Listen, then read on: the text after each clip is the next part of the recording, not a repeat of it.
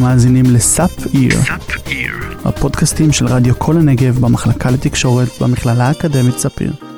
ואיך שנכנסתי, הוא אמר לי, אני מתנצל, אני לא יודע למה הביאו לך הפנייה אליי, אני לא יכול לעזור לך, תצאי. ואמרתי לו, אני מצטערת, לא מעניין אותי שאתה לא אמור לטפל בבעיה, תבדוק אותי. הוא כאילו כעס עליי, הוא לא רצה בכלל לבדוק אותי. זאת נועם בן שמעון, חברה שלי. בשיא הכעס אני רואה שהוא ממש מסתכל עליי בזלזול ומכניס את המכשיר של האולטרסאונד במין אה, זלזול כזה וחוסר התחשבות. היא עשתה צבא, הייתה שנה בהודו, התחילה ללמוד, אבל תמיד היא הרגישה שמשהו לא ממש בסדר. אני פשוט הייתי מרגישה שבתקופת הווסת עצמה, בתור ילדה, הייתי סובלת כל כך, שבמהלך כל החודש לאחר מכן, הייתי נשארת עייפה. גם אני חשבתי לעצמי, כמה כבר אפשר לסבול ממחזור? גם אני סובלת, ובעצם כל אחת. תוך איזה עשר שניות אני רואה את כל הפנים שלו נופלות, ואני מבינה שיש משהו. והוא מסתכל עליי והוא אומר לי, אני לא יודע איך להגיד את זה, אבל אני רואה שיש לך פה אנדומטריומה. אתם ואתן מקשיבים ומקשיבות לאחת מעשר. אני מיטל ריבק, והיום אנחנו נשמע את סיפורן של אותן נשים שחיות את הסטטיסטיקה. כל החיים לימדו אותנו שלהיות אישה זה קשה. לימדו אותנו שבשביל להיות יפה צריך לסבול, שנהיה מנומסות ועדינות, כמו ליידי. לסבול מכאבי מחזור זה אולי הדבר הכי נורמלי שאני יכולה לחשוב עליו. מחזור הוא כואב, ולא צריך להתפנק, כי הוא כואב לכולן. אבל כל כך הרבה נשים מסתובבות עם סימפטומים קשים שפוגעים באיכות החיים שלהן ולא מודעות בכלל לזה שזה לא אמור להרגיש ככה. כולם אומרות שכואב להם במחזור, ואני הרגשתי שיש לי כוח סבל מאוד מאוד גדול, אבל כואב לי ברמה שהיא לא נורמלית. אבל הפעם הזאת, שהייתי עם נועם כשהיא קיבלה מחזור, ומאותו רגע היא נהייתה גופה לא מתפקדת, והבנתי שאין לי איך לעזור לה, זה היה הרגע שהתחלתי קצת להבין מה היא עוברת. עכשיו, רגע לפני שתצקצקו, צריך להבין את חוסר האונים. כולי מתקפלת, מתכווצת, מקיאה, משלשלת תוך כדי, העיניים שלי מסתובבות, אני מתעלפת. ולא, שום כדור או כרית חימום לא עזרו לה. אז למה מחלה שפוגעת באיכות החיים שלנו ומשבשת את היכולת ללדת, לא מקבלת את ההתייחסות שמגיעה לה? נועה מאובחנת במחלת האנדומטריוזיס כבר כמה שנים. המודעות אליה כל כך נמוכה בקרב רופאים, אז בטח שגם בקרב נשים. והיכולת לאבחן אותה נשארת במין אפלה לא מוסברת. מה זה בכלל אנדומטריוזיס? אוקיי, תהיו איתי, כי זה הולך להיות קצת מסובך. זאת מחלה גינקולוגית, כרונית, דלקתית, שמבחינה סטטיסטית, אחת מעשר נשים חולות בה.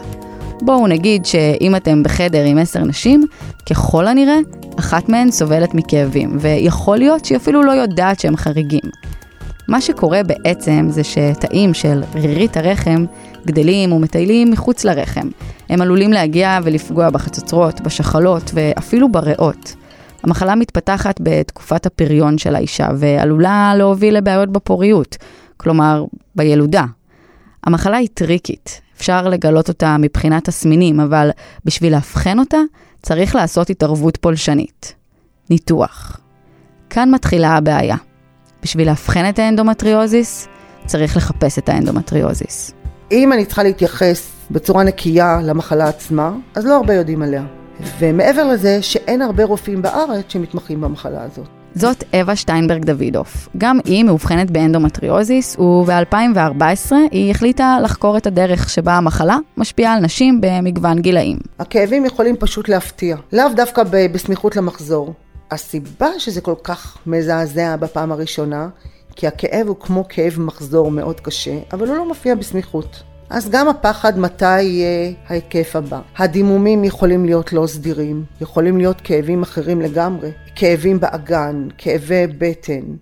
אבל לא רק. אז כשאישה מופנית או רצה מיוזמתה, מרופא לרופא, שינסה לפענח את מקור הכאב, ואותו רופא מתייחס אליה כאילו היא משוגעת, כאילו היא לא יציבה נפשית, אז זה, זאת, זאת עוד תוספת. אני רואה שהוא ממש מסתכל עליי בזלזול ומכניס את, ה, את המכשיר של האולטרסאונד במין אה, זלזול כזה וחוסר אה, התחשבות, כאילו כעס עליי. מעבר לכאב הפיזי, נשים שסובלות מאנדומטריוזיס צריכות להתמודד עם הדרישה להוכיח את מה שהן מרגישות. גם אחרי הבדיקה, כשהתברר שנועם לא משוגעת, והכאבים אמיתיים והם בוערים, הגישה של הרופא לא השתנתה.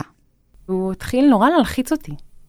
הוא אמר לי, אנדומטריוזיס זה מחלה מאוד מסוכנת, ושיפסיק לזרום דם לרחם, ושהרחם שלך, אה, שחלות ינשרו, וכל מיני דברים כאלו שנורא הלחיצו אותי.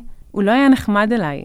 הוא פשוט לא הבין שיש פה מישהי מולו שלא יודעת מה זה אומר, ושכרגע הוא אומר לה דברים מאוד מאוד קשים, שאולי צריך להגיד אותם בקצת יותר הכלה ועדינות. תנסו להיות ברגע הזה. אתם נמצאים אצל רופא כלשהו שנותן לכם הבחנה כלשהי, שאין לכם מושג מה היא אומרת. אתם שומעים מונחים רפואיים וכל מיני סיכונים שיש לאיברים שלכם, אבל כשזה נוגע לרחם, לאזור שלא מדברים עליו, שאנחנו לא ממש מתקשרות איתו, התחושות הן אחרות, כי זה האיבר שמסמל נשיות.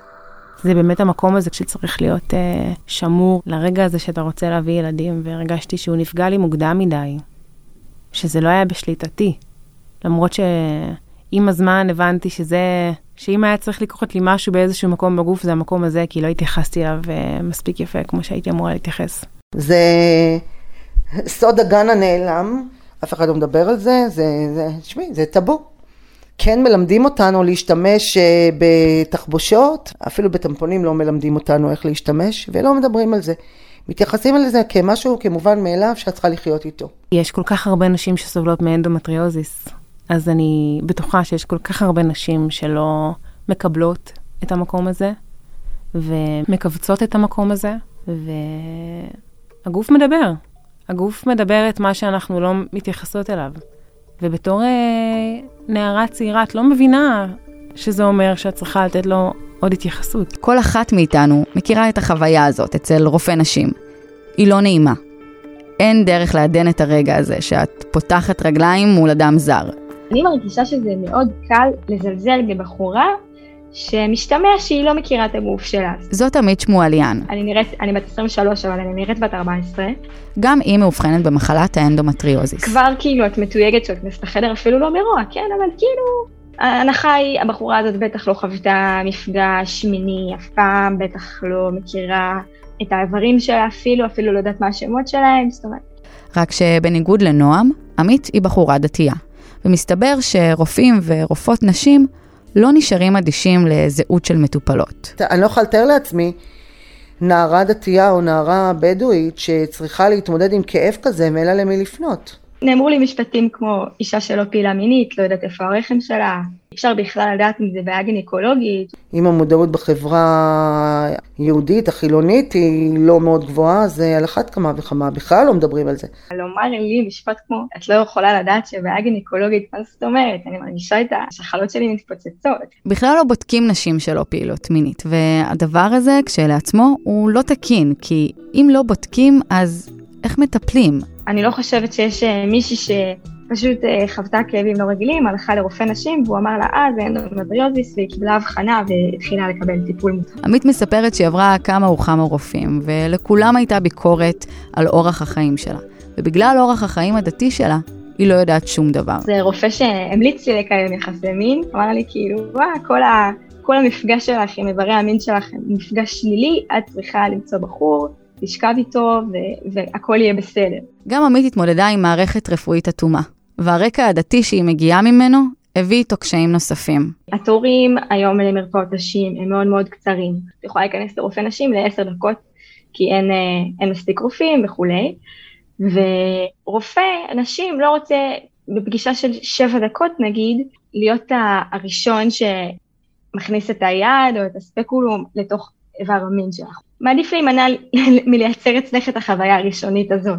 בשנים האחרונות יש עלייה במודעות. יש פרסומות של אנדומטריוזיס בטלוויזיה, ביטוח לאומי מכיר במחלה כנכות, תרופה שנכנסה בסל הבריאות וקבוצות בפייסבוק שיוצרות קהילה משותפת.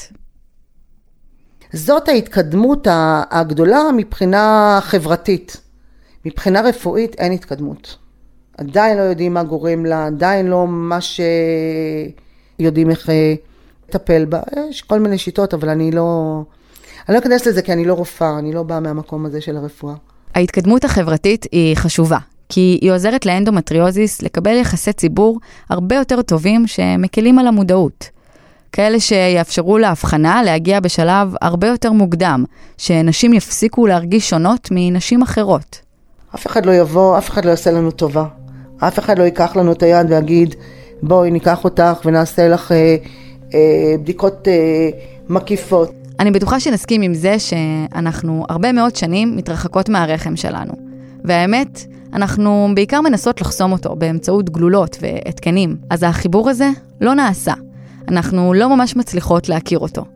אם את מרגישה כאבים כאלה שמגבילים אותך, שגורמים לך לא לקום לעבודה או ללימודים, תדעי שאותן תחושות לא אמורות להיות, ויכול להיות שאת כבר יודעת. אלה הרגעים שאנחנו צריכות להקשיב לרחם שלנו ולעצמנו. יש דור חדש של נשים עם מודעות מאוד מאוד גדולה, נשים שיודעות שאם יש משהו שהוא לא תקין, אז הן יודעות לשאול את השאלות. אז אני חושבת שאני מאוד מאוד מקנאה ב... בנשים הצעירות של היום, שהן עומדות על דעתן, והן לא מוותרות, והן לא מוכנות לספוג השפלות מרופאים, או אה, אמירות לא, לא במקום. אני מיטל ריבק, ולכבוד חודש המודעות למחלת האנדומטריוזיס, יצאתי למסע סיפורים דרך כמה נשים, בשביל להבין את המחלה ואותן. תודה לכן ולכם שהקשבתן והקשבתם לאחת מעשר. תודה לנועם בן שמעון, לעמית שמואליאן ולאווה שטיינברג דוידוף. אם את מזדהה עם אחד הסיפורים, תדרשי בדיקה. כמו שאווה אמרה, אנחנו דור אחר של נשים.